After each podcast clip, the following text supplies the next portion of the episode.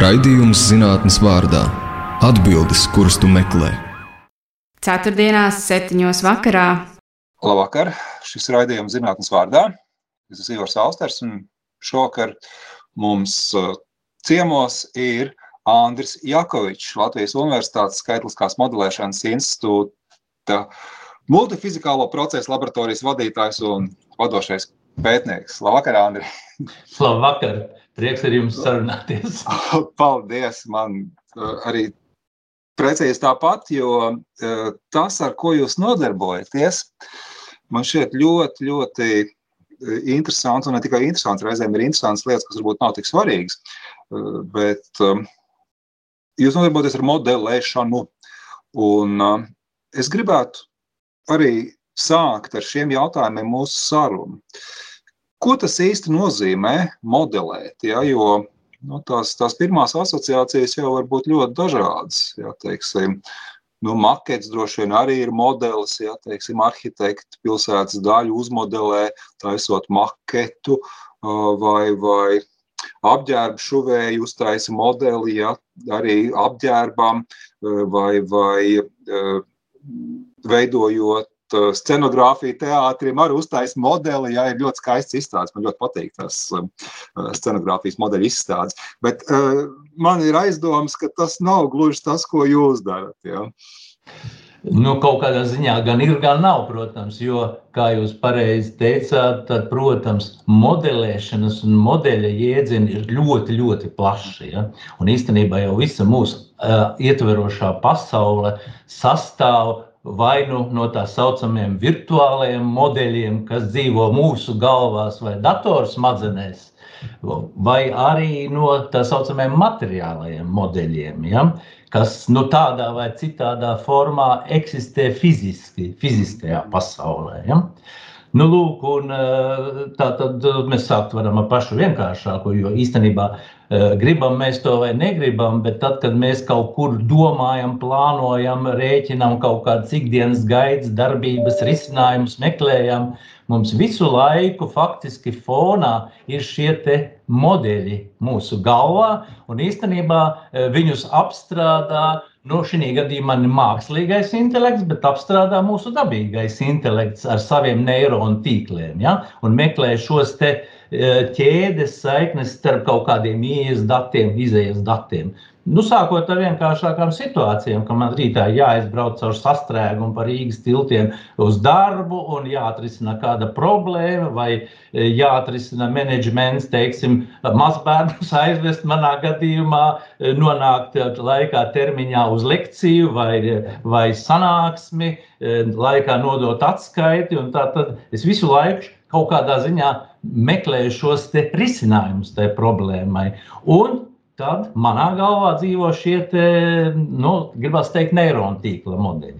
Nu, ja, bet atgriežoties pie tāda um, vispārīgāka formulējuma, tad, ja mēs runājam par šiem fiziskā pasaulē eksistējušiem modeļiem, ja, tad uh, arī tie apzīmējumi var būt ļoti dažādi. Piemēram, tas var būt kādas iekārtas vai tehnoloģijas laboratorijas uh, analogs vai tuvināts, iz, tuvināt izveidota iekārta. Tas var būt jūsu pieminētais makets, kas tā vai citādi atspoguļo kaut kāda procesa vai iekārtas īpašības. Bieži vien gan ar maketu saprot tādu āršķirīgo šī te, eh, nu, fiziskā objekta pusi, kas eh, bieži vien būtību neatspoguļo. Nu, teiksim, kaut vai automašīnas modelis. Ja? Nu, tad uh, viņš izskatās pēc mašīnas, bieži vien dizainiski varētu būt līdzīgs, bet viņam trūkst šīs funkcionalitātes pēc būtības, ja? kas ļoti svarīga reālajam objektam. Ja? Vai ir izšķiroša viņa izmantošanai. Nu, tad, protams, tāds drusciņš tuvāks jau objekts fiziskajā pasaulē ir eh, šis prototyps. Tas arī ir sava veida modelis kaut kam, procesam, norisē, iekārtai. Bet šī gadījumā jau ļoti svarīgs ir tas, ka viņš var funkcionēt, jeb nodrošināt to vajadzību kuram viņš ir radīts, varbūt viņš nestrādā pilnvērtīgi, varbūt viņš uh, salūst. Vai tā kā kad brāļa raiti izmēģināja pirmo lidmašīnu, teiksim, jūs zināt, ka tāda diža lidošana varbūt tur neizdevās. Ja?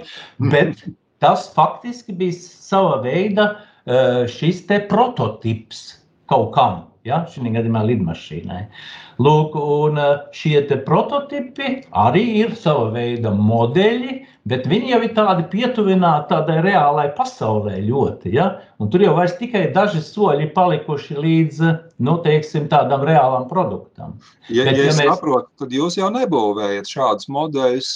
Jums ir tas vārds, kas cits cilvēks ļoti pievelk. Reizēm cilvēkus tas arī atbaida. Uh, ka tas ir skaitliskās modelēšanas pasākums. Jā. Tā, tā, ļoti, ļoti precīzi jūs pārvirzījāt uz to otro sadaļu, ko tad mēs gribētu saukt par virtuālajiem, jeb netveramajiem modeļiem. Ja? Lai gan mēs daudzos lietišķi orientētajos projektos, nu tāda ir tā saucamo Eiropas reģionāla attīstības fonda līdzfinansētie projekti, kas faktiski ir bieži vien ar tādu jau tehnoloģisku, tehnisku ievirzi, tomēr kaut arī pētniecības projekti. Ja?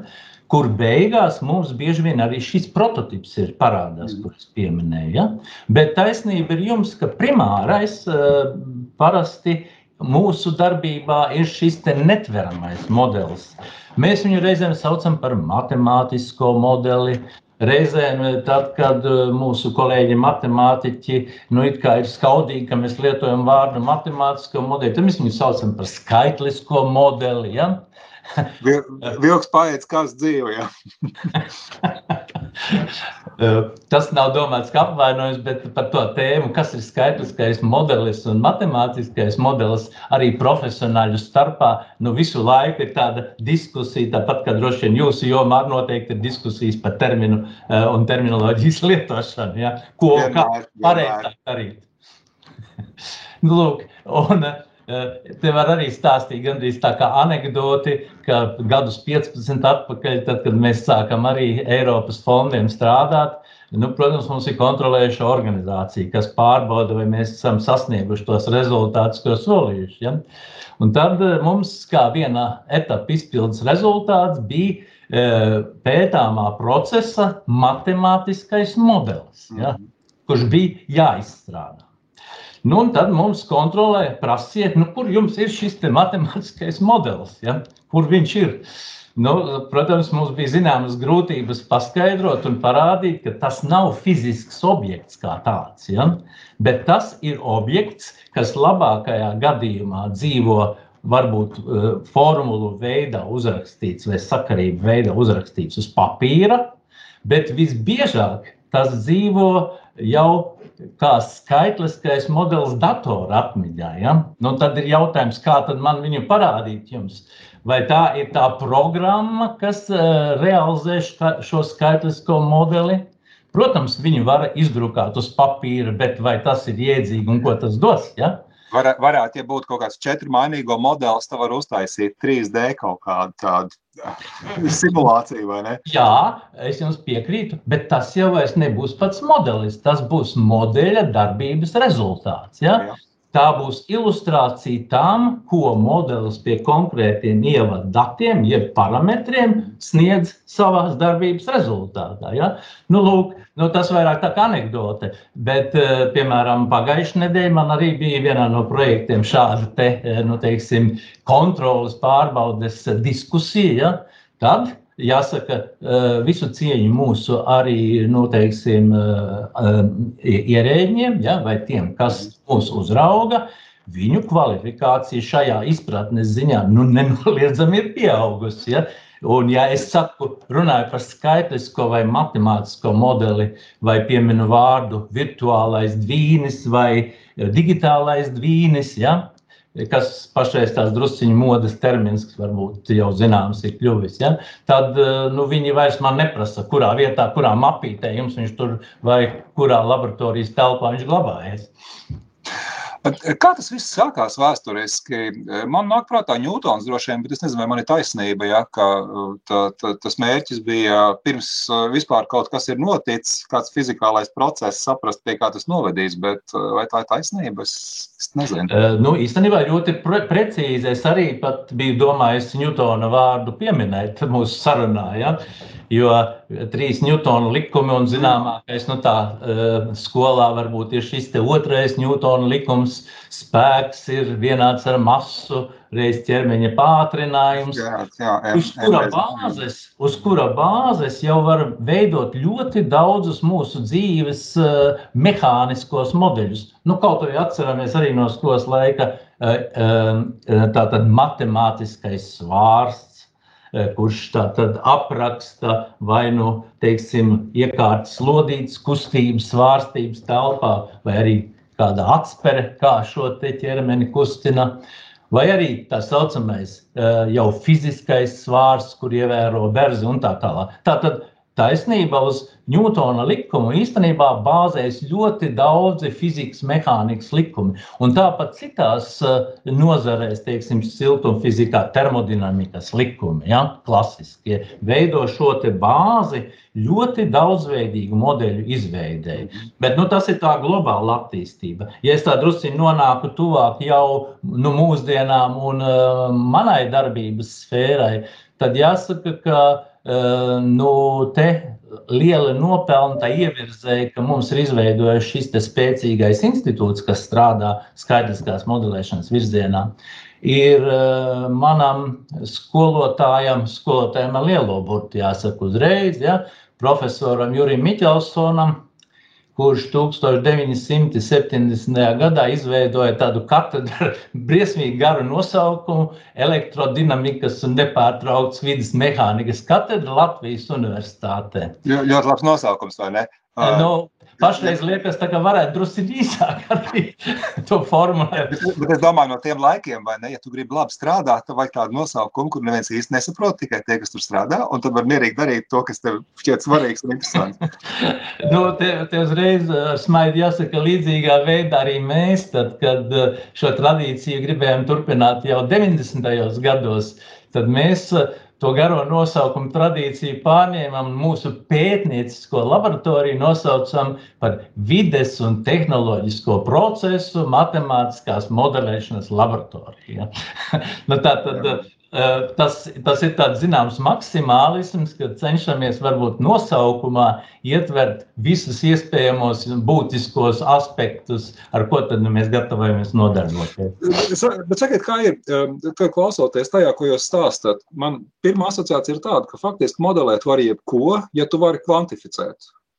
Nu, ja tu vari izdomāt uh, sistēmu, kā pārvērst uh, jebkuru novērojumu skaitļu valodā, ja, vai Tas tā arī ir. Nu, man gribētos teikt, ka tiešām tā kā jau mēs iesākām sarunu, modeļi ir visapkārt mums. Un īstenībā man grūti tagad būtu pateikt, ja jūs jautājat, ko tad nu galīgi nevar modelēt. Bet kas ir ļoti būtiski, atšķiras šīs modeļu veidi un modelēšanas metodes. Ja? Kā to dara? Ja? Nu, piemēram, ja? uh, fiziskajā modelī arī jūs varat veikt mērījumu, pētījumu un izmantot viņu, lai iegūtu šīs atziņas par procesu vai iekārtu. Eh, senos laikos, tas ir 50. gados pagājušā gadsimta, bija ļoti izplatīti tā saucamie analogie modeļi. Ja? Kad tika veidotas kādam procesam analogas sistēmas, bāzētas vai nu uz elektriskajiem, vai siltuma, vai hidraulikas principiem, tādējādā, tādā veidā reducējot to sarežģītāko procesu uz it kā labāk izpētītiem, nu, klasiskās mehānikas vai siltumfizikas procesiem. Protams, tas ir noiets etaps. Bet eh, eh, runājot par eh, šiem virtuālajiem modeļiem, kas dzīvo tās datora atmiņā vai formula veidā uz papīra, arī tie var būt ļoti dažādi atkarībā no datu veida. Nu, piemēram, ja jums ir dati par saslimšanām, cēloņiem, novērojumiem, analīzēm, mērījumiem, kas ir veikti Un eh, kas tad ārstēšanas vai citu darbību rezultātā ir noticis ar pacientu, ja? Mm. Eh, tad eh, nu, ņemot vērā šo te kopsakaru sarežģītību un daudzšķaitnēnību, tad visbiežāk tiek izmantoti tā saucamie statistiskie modeļi. Ja? Jo mums nav tādu skaidru, viennozīmīgi definētu ceļu starp punktu A, B, C un D, bet tie iespējamie ceļi un kopsakari var būt ļoti daudzveidīgi. Tas ir jūs vienkārši strādājat ar kādu datu kopu un mēģināt saprast, kas tur notiek. Jā, nu, jā, tā tad, un te uzreiz jāsaka, ja mēs runājam par statistisko datu apstrādi un statistiskajiem modeļiem, ja, tad bieži vien operē ar varbūtību jēdzienu. Ja? Varbūtību jēdzienu tā tad nu, neko nesaka kategoriskā formā, tāpat kā mūsu meteo prognozē, piemēram, arī ļoti bieži jūs lasat, ka ar varbūtību 50% būs sniegs vai lietus. Nu, meteorologiem nevar neko daudz pārmest. Īstenībā ir tikai uh, dažas profesijas, kuras kaut ko jēdzīgi spēj pateikt par nākotni, un meteorologi ir paši labākie. Ja? Un te uzreiz jāsaka arī tikai pēc pēdējo desmitgažu laikā viņi tādi ir kļuvuši. Ja? Var aizdomāties, kādēļ tas tā ir. Ja? Bet, nobeidzot to tēmu par tā saucamajiem statistiskajiem modeļiem, tā jomā es uzskatu ļoti sekmīgi strādā arī mans kolēģis matemātiķis Jānis Valainis, kurš uh, ik pa brīdim nākas uh, dzirdēt labas atziņas, ka viņa pienesums taisni šādā datu analīzē un šo modeļu izstrādē ir bijis nu, nozīmīgs. Ja? Tā skaitā tikko mums bija universitātes zinātniskās konferences sekcija, un arī teiksim, mūsu kolēģi mediķi stāstīja par kādu pētījumu, nekonkretizēsim, un viņi atsaucās, ka lūk, tas ir devis viņu procesa izpratnē un izvērtējumu nu, tādu pievienoto vērtību, tādu jaunu kvalitatīvu līmeni. Nu, tas, ir, tas ir šādi modeļi. Jā, Bet tie pa, nav mūsēji, uzreiz jāsaka. Pa, pa, pa, paldies, Andri. Man šķiet, tas bija labs uh, ievads tajā, ko nozīmē būvēt modeli, uh, kādi modeļi var būt un kāds ir statiskais modelis. Uh, es atgādināšu, ka jūs klausāties radio naba raidījumu zinātnes vārdā. Un šovakar mums ciemos ir Andris Jakovičs, Latvijas Universitātes skaitliskās modelēšanas institūta multifizikālo procesu laboratorijas vadītājs, vadošais pētnieks. Ja? Tas, kā jau mēs runājam, labs nosaukums ir garš nosaukums. Ja? Man klausoties tajā, ko jūs stāstījāt, Andri, ienāca prātā jautājums par metaforu.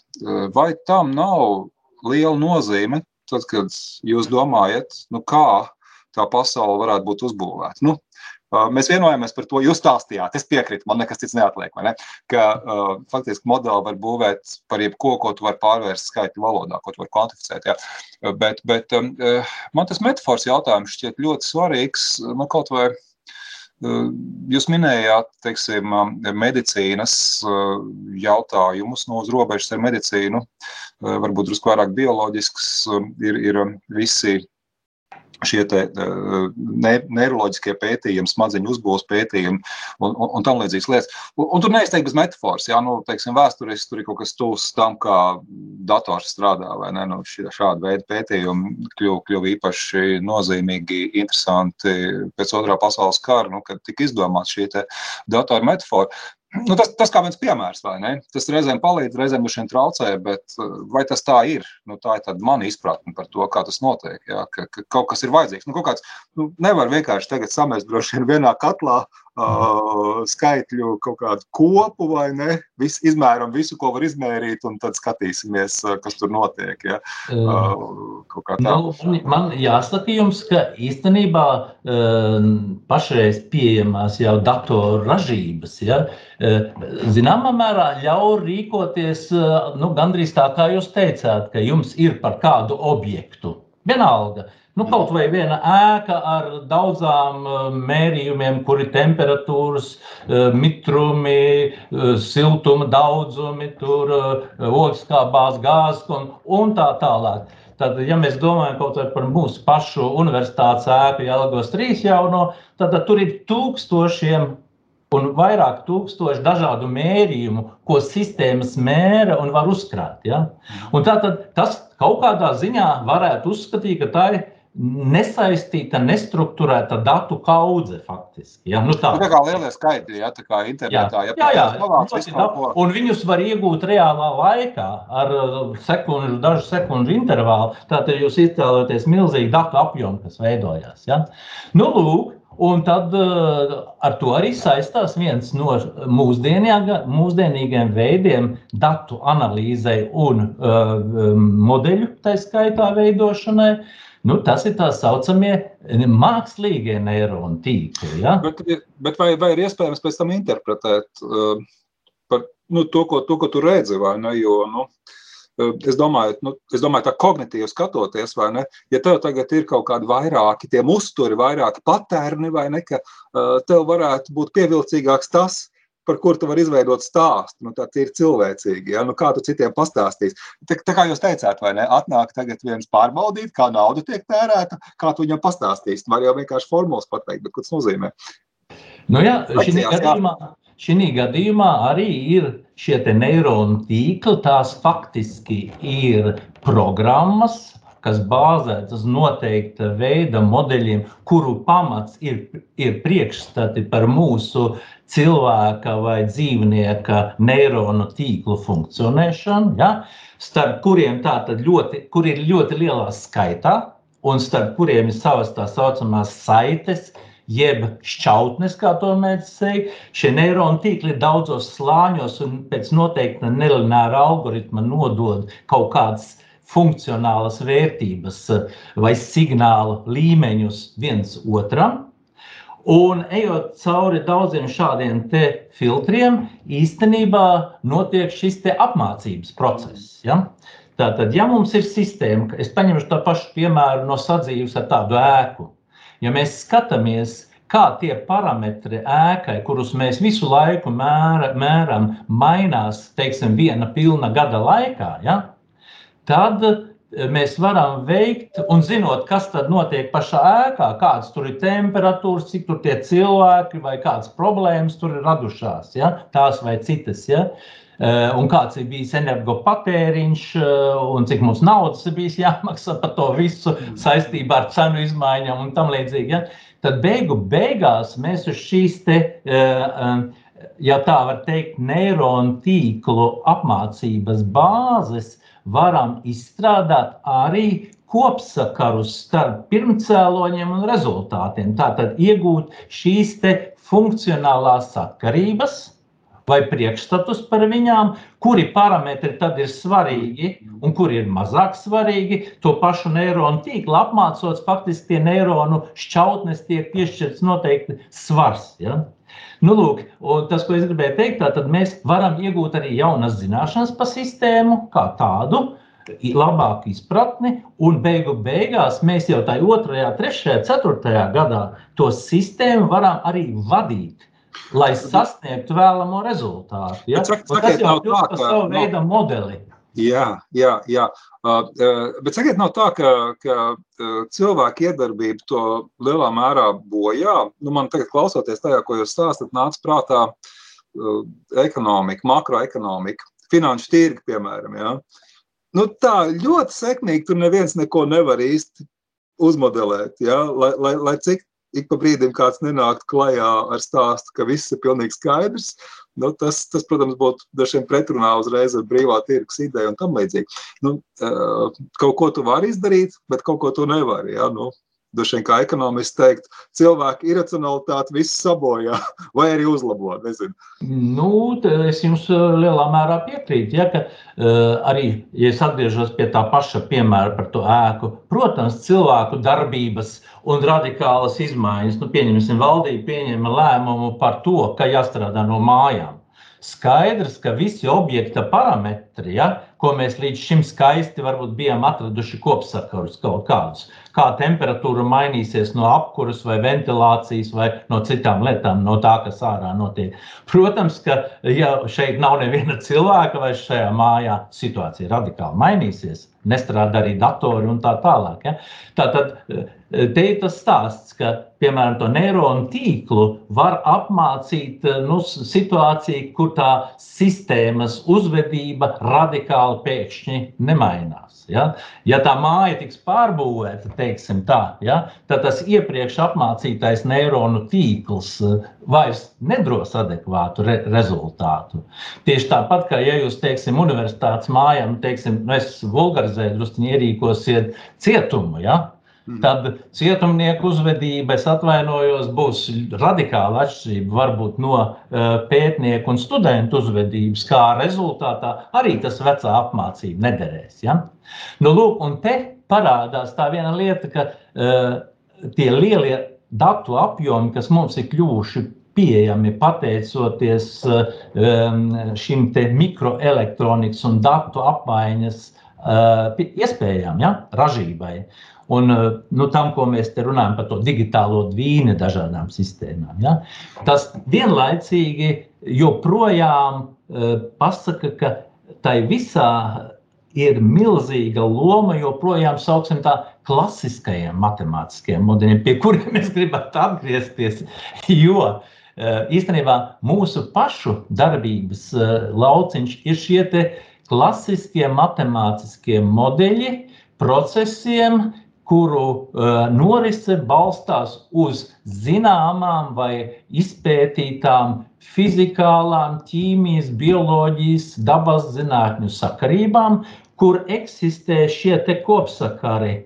Vai nu algebrisku vienādojumu, vai diferenciālu vienādojumu, vai integrālu vienādojumu, vai citu matemātisko sakarību formā starp kaut kādu ieejas parametru kopu vienu, desmit, simts tūkstotis un kaut kādu izējas parametru kopu, ja? rezultātu kopu. Tie ir tie, manā uztverē šie klasiskie matemātiskie modeļi.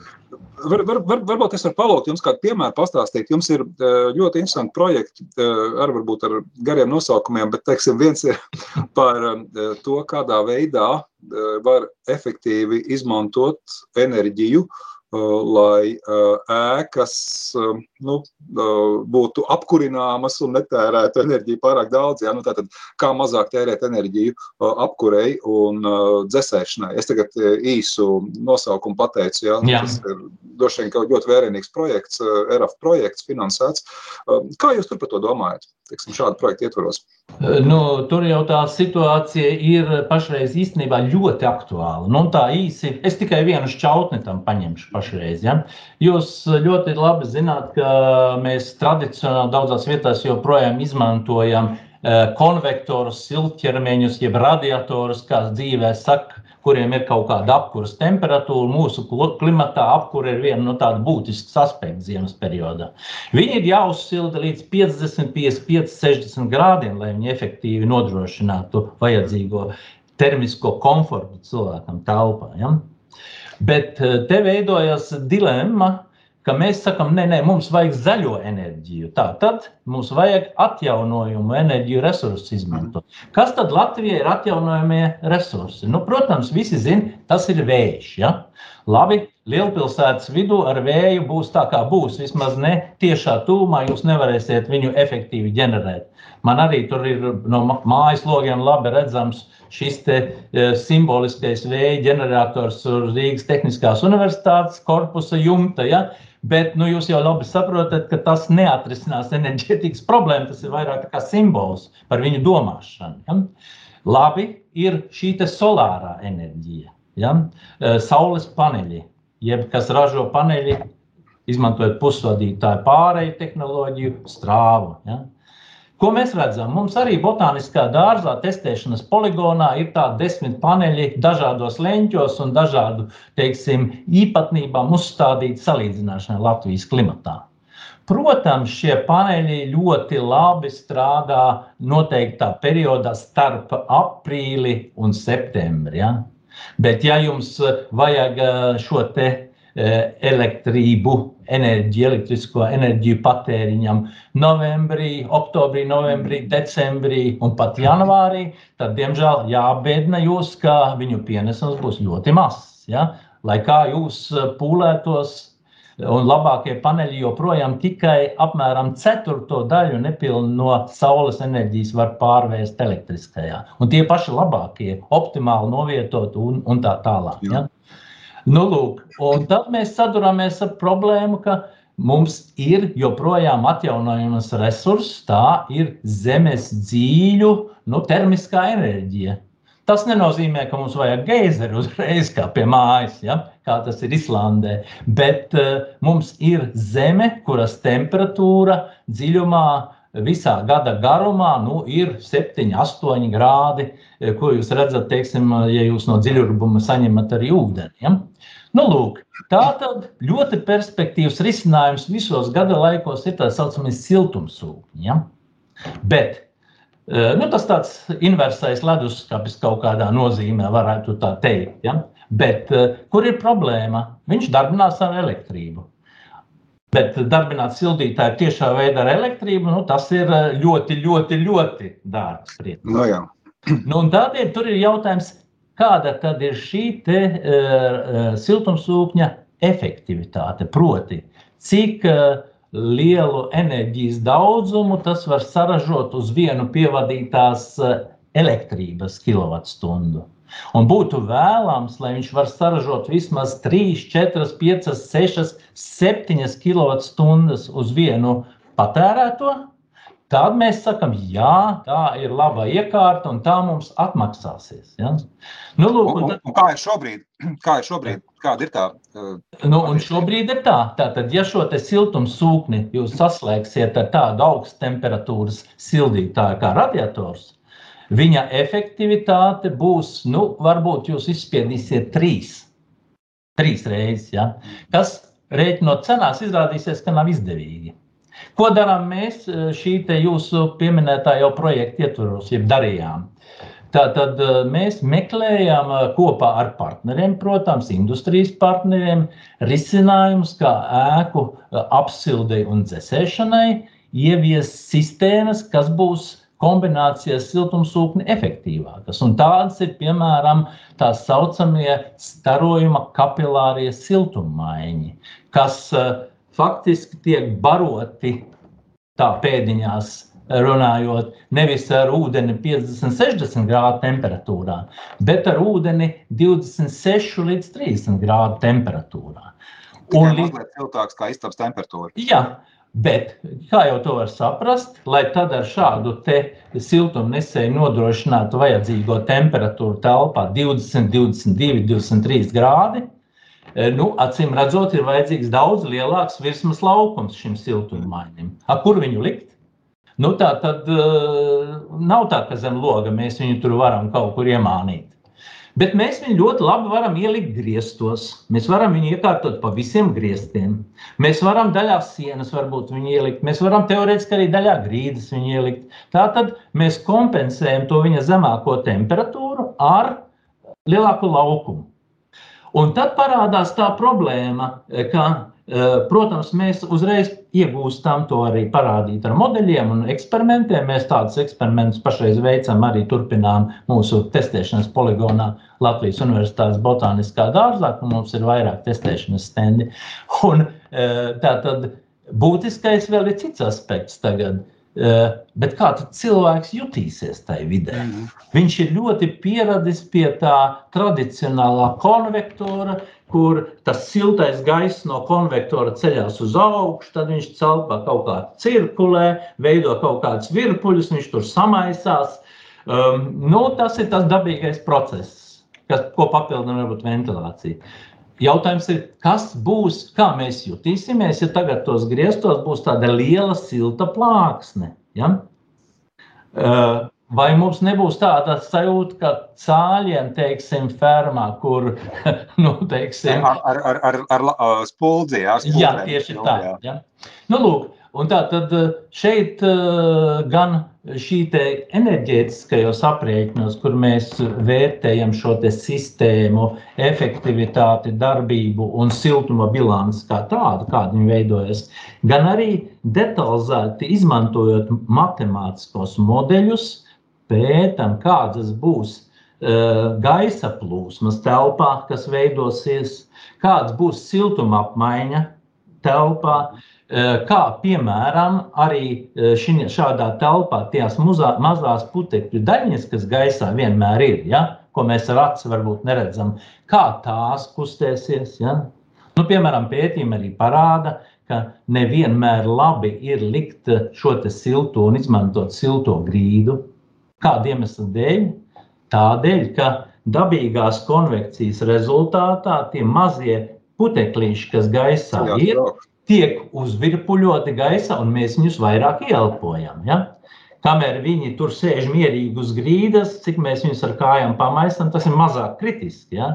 Nu, tā tad, kā jau teicu, parādās arī šādi visādi aspekti. Un, protams, aktuālais aspekts ir mūsu nedraugu uh, Covid, izskatā Delta, Omikron vai kādā citā. Ja? Mm -hmm. kā jūs ieliekat tajā modelī to cilvēku uztveri vai, vai, vai sajūtas uh, par to, cik labi vai slikti uh, viņš jūtas uh, telpā, kur ir, piemēram, kā jūs teicāt, grīdas, apkure vai, vai sildelements, Pie griestiem visi griezti viens silda elements. Mm -hmm. nu, tā ir analīzē faktiski divas puses. Ir objektīvā puse, faktiski tā fizikālā procesa apraksts. Nu, pieņemsim, ja man grieztos ir šis silda elements, mana galva ir kaut kur metra 80 augstumā, vai ja sēžot metru 20 augstumā, un kājas ir pie grīdas, savukārt, ja tā siltā grīda, tad ir šī objektīvā lieta, kāda tad būs mana ķermeņa virsmas temperatūra. Ja? Nu, un līdz ar to tas noteiks manu pašsajūtu. Ja? Te ļoti būtisks ir tas vārds starojuma, ja? jo šo infrasarkano starojumu kā mēs visi zinām, mēs neredzam. Mēs redzam tikai redzamo gaismu, bet siltuma starojums mums nav redzams. Ja? Un līdz ar to, tā, to nevar tā paskatīties un pateikt, kas tur būs. Ja? Bet to var izrēķināt, kā, kā jutīsies mana galva, kāda būs viņas saņemtā enerģijas porcija, ja tā var teikt, ar vai bez matiem, vai ar cepuri vai bez nu, atkarībā no šī siltuma apmaiņas. Bet tam, protams, arī subjektīvais aspekts ir. Ja? Un proti, e, mēs visi ļoti labi zinām, ka cilvēki ir atšķirīgi. Mēs neesam visi pēc vienām sajūtām un vienām uh, uztveres. Tādēļ tur tiek pētīts arī šis subjektīvais faktors. Tiesa, to vairāk dara teiksim, nu, citi pētnieki, to subjektīvu uztveri. Cik liela ir izkliedēta cilvēka sajūtām nu, statistiskajā grupā. Tā atkal ir tie atkal ir citi modeļi. Ja? Bet šo te e, siltuma apmaiņu, e, gaisa plūsmas, šo dažādu daļiņu koncentrācijas, e, gaisa mitrumu, CO2 Un tā izskaitā arī, kas eh, vīrusa pārnesē ļoti svarīgi, ir aerosolu koncentrācija. Ja? Jo mēs jau pagājušajā gadā visi pētnieki konstatēja, ka tieši aerosolu pārnese gaisā ir tas kritiskais moments. Jums nesen bija arī projekts eh, par Covid. Eh, vai tas bija to, ko jūs tagad stāstāt? Ja? Daļai jā, mēs faktiski veido, izveidojām tā saucamo gudrās telpas sistēmu, kas eh, izmantojot mērījumus par eh, attēlu ska eh, cilvēku skaitu telpā, par viņu pārvietošanos, par raksturīgajiem trokšņiem. Nu, raksturīgie trokšņi, ziniet, ir šī gadījumā šķavas, iesnas, klepus un arī skaļa runāšana un dziedāšana. Jāsaka, ka mēs ļoti lielu plaušu tilpumu, iz, ar plaušu tilpumu izvadām lielas gaisa masas. Uh, un analizējot tātad šos datus ar mākslīgā intelekta algoritmiem, mērījuma datus reālajā laikā, faktiski mēs nu, izstrādājam modeli, ar kura palīdzību var prognozēt riskus, uh, inficēties šādās telpās ar uh, šo te covid konkrēti. Ja? Un tas modelis eh, balstījās vienlaicīgi uz šiem mērījumiem, un vienlaicīgi arī uz eh, šī gaisa plūsmas un aerosolu dinamikas modelēšanu telpā. Ja? Un uh, pašreiz mums ir tāda, martā mēs sāksim, ja tā var teikt, šī projekta turpinājumu, kur mēs nonāksim arī pie tādas iekārtas prototipa, ja ir plānots. Kura ļaus gaisu telpā efektīvi attīrīt nepieciešamības gadījumā, bet ņemot vērā augstās enerģijas izmaksas, ja, kas ir reāli, tad viņa to darīs inteliģenti. Nevis pūtīs un tīrīs un filtrēs un apstaros ar ultravioleto starojumu nepārtraukti, bet tikai tad, kad parādīsies šie riska faktori un darīs to noteikti intensīvi. Tā tad, nu, gribās teikt, šī te gudrā, uh, gudrā iekārta, un otras puses uh, būs arī iespēja cilvēkus, kas tajā telpā uzturās, ja? strādā, mācās, it sevišķi jau auditorijas, tas svarīgi, un klasēs varbūt informēt par to, nu, ka ir lielāki vai mazāki riska faktori. Kā, kā, kā tur ir, kas izriet? Nu, tagad vēl aizvien nu, tie, tie, tie kāri starp cilvēkiem, strīdi, reizēm pat lamāšanās, laikam ir gājusi mazumā, tā izskatās par laimi, bet uh, viss tas masku jautājums, attāluma, distances jautājums, ja, uh, kas uh, jums par to būtu sakāms, droši vien, ka kaut kas izriet no tā visa, vai vienkārši tagad viss ir jāmaina gaiss un ar to var viss izdarīt. Kā, kā no, šīs tā... pamatietas, ko, ko var darīt, Ne, no, redziet, tā problēma, kā daudzos gadījumos, ka it kā kaut kur aizķerās eh, kāds pro problēmas aspekts, un tad viņš tiek nepamatoti, varbūt zināmā mērā pārspīlēts un visur viņš pieminēts. Tātad, ja mēs runājam par gaisa kvalitāti, tad eh, šī gadījumā tāds faktors tiek izcelts CO2 jeb oskābās gāzes saturs. Un, protams, tas ir svarīga lieta, jo augsts oskābās gāzes līmenis gaisā nu, neveicina mūsu smadzeņu darbību, bet par to es negribu plaši runāt. Ja? Bet problēma ir tā, ka arī pētījumi ir parādījuši, ka telpu ventilācija, kas nodrošina varbūt pietiekami svaigu, tādā nozīmē gaisu, kad nav paaugstināta CO2 līmeņa telpā, nenodrošina to, ka mums var būt uh, risks inficēties ar covid, uh, jo šie vīrusi dzīvo uh, kompleksā ar gaisā esošajām aerosolu mikrodaļiņām. Lielākās daļiņas nosēžās, viņas iztvaiko, nonāk atkal daļai apritē. Tātad tieši šie aerosoli ir tie, kas pārnes šo vīrusa kultūra, ja tā var teikt. Viņiem, nu tā, tālāk, tālāk sakot, vīrusam ir vajadzīgi kaut kādi zirdziņi, ar kuriem jāatmaņ. Jā, jā, viņš nedzīvo pliks vientulībā, viņš dzīvo vai nu ar kaut kādām daļiņām, mikrodaļiņām, vai ļoti izplatīts ir, jo mēs jau viņu izvadām no organisma inficētās personas ar savu izelpu, ar to uh, mitrā gaisa aerosolu plūsmu, kas nāk no mums. Ja?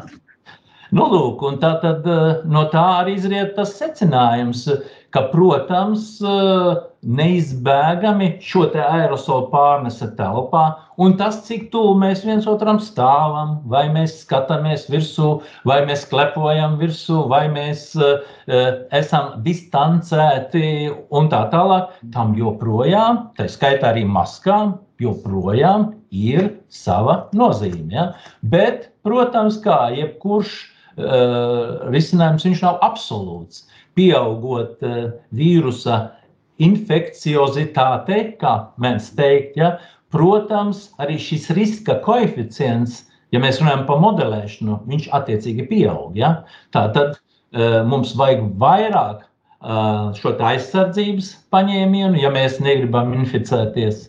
Vai arī nu, mums ir jāievēro lielāka distance, vai mums vairāk jābrīdina par risku esamību. Piemēram, es tikai pateikšu vienu lietu.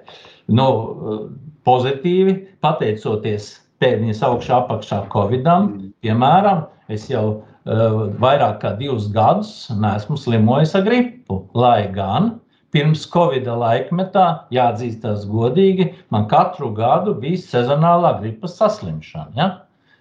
Un to var viegli nojaust kādēļ. Tādēļ, ka man ir būtiski samazinājušies šie kontakti ar inficētām personām. Mm -hmm. uh, jā, es atgādināšu klausītājiem, uh, ka, uh, ja jūs tagad sākāt klausīties raidījumu, šis ir zinātnes vārdā. Un mums šovakar ciemos ir Andris Jakovičs no Latvijas Universitātes skaitliskās modelēšanas institūta multifizikālo procesu laboratorijas, laboratorijas vadītājs un vadošais pētnieks.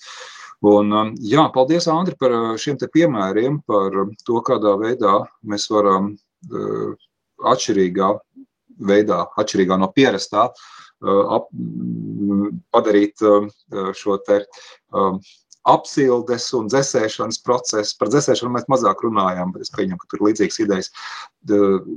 Energoefektīvāku un, un, un par to, kādā veidā var, var labāk saprast Covid izplatības šo mehānisko pusi, lietojot skaitlisko modelēšanu. Bet es gribu tagad varbūt atgriezties tuvāk nu, klausītāja ikdienas pieredzē. Protams, ka vai tu esi siltā, patīkamā telpā, un vai tu esi vesels vai slims attiecībā pret covid vīrusu, tā arī ir katra mūsu ikdienas pieredze. Bet kā ir ar modeļiem, nu, tādā amatieru nozīmē? Ko katrs cilvēks varētu modelēt? Droši vien, ka var kaut kādus principus no tā, ko jūs lietojat tādā ele, elegantā, efektīvā veidā, kā jūs teicāt, arī nu, pēdējās desmitgades ir ļoti nozīmīgs, kaut vai tāpēc, ka jūs varat izmantot lielākas skaitļošanas jaudas, vai ne? Bet, bet ko viens normāls tagad nabas klausītājs, radio nabu klausītājs varētu likt aiz auss un mēģināt izmantot no tā, ko mēs runājam, varbūt kaut kādā vienkāršākā veidā. Vai var tādu uh, skaitlisko modeli uzbūvēt ar papīru un zīmolu, piemēram? Uh, nu, pēc būtības jau pirms datoru laikmetā mēs tā arī darījām. Ja? Kad bija šī matemātiskā sakarība, uh, sarežģītāka vai vienkāršāka, un tad uh, mēs uh, izmantojam tos līdzekļus uh, viņas izskaitļošanai, izrēķināšanai, kādi mums bija pieejami. Vai tas bija rēķinot uz papīra, vai varbūt lietojot kādas mehāniskās skaitļošanas ierīces, kā tas jau no viduslaikiem sāk attīstīties. Ja? Kaut vai Leibnica skaitļotājs, ja? nu, vēsture, protams. Un, uh, teiksim, var atcerēties arī pagājušo gadsimtu dažādas šīs pirma, pirmatnējās elektroniskās skaitļošanas iekārtas. Bet uh, tas radikālais lēciens jau faktiski eh, notiek, ja eh, tev izdevies izveidot algoritmu kā tādu un tam atbilstošu programmu. Mēs bieži lietojam jēdzienu implementēt, iekļaut viņu kaut kādā datora vidē kad viņš jau pēc tam dara bez tavas klātbūtnes to. Ja?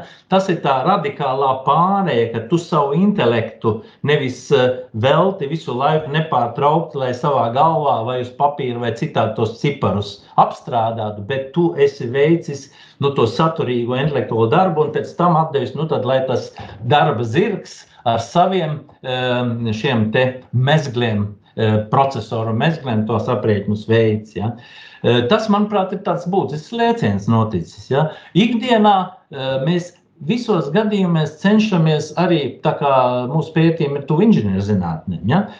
arī veidot tādus rīkus, kur tas cilvēks var vismaz mēģināt pavisam, pavisam vienkārši novērtēt. Ja? ja viņam nav lielu specifisku zināšanu, tad viņš nevar detalizēt ievadīt kaut kādas korektās parametru vērtības. To var inženieris ja? kvalificēts. Bet no sadzīviskā līmeņa tā paša energoefektivitāte. Mēs esam izveidojuši rīkus, nu, tāds nosaukums varbūt ne gluži latviešu heat modu un uh, tam līdzīgi. Var internetā viņš ir bāzēts arī kur cilvēks var tā pavisam primitīvi. Man mājā ir siena no tādiem materiāliem, man ir viņai tik daudz grīdu platība, man tur ir jumts, man tur ir grunts, kontakts ar zemi, man tur logu laukums tāds un šitāds. Nu, cik tam man tur tajā apkurē ziemas eh, laikā vajadzēs to eh, enerģiju? Ja?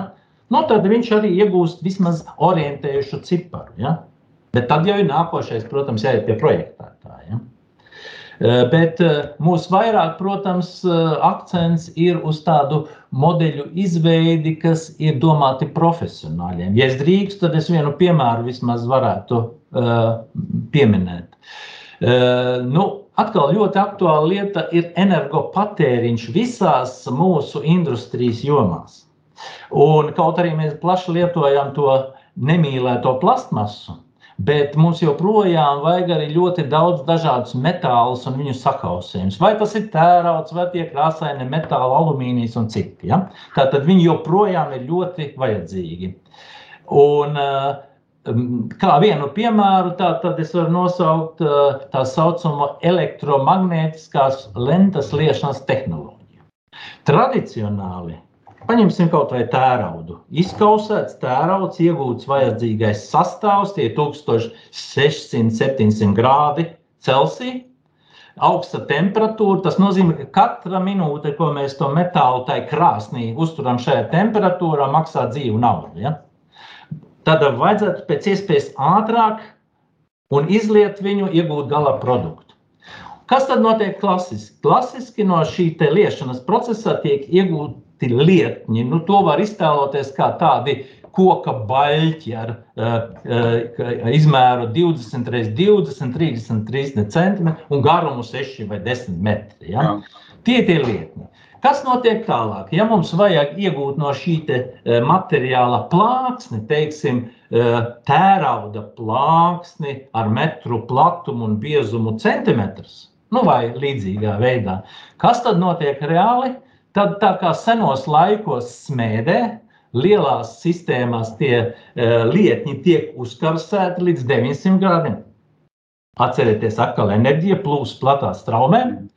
Tad caur veltņu sistēmu, nu, tas analoģija kalēja āmuru, viņi tagad tiek placināti, placināti, iet caur to veltņu sistēmu N reizes sildīt tiek, līdz beidzot viņi tiek saplacināti līdz vajadzīgajam biezumam, nu, kas tuvojas gala produktam un kuru mašīnā tad aizved no uz kāda ražotāja, kurš tur um, gala produktu izgatavo.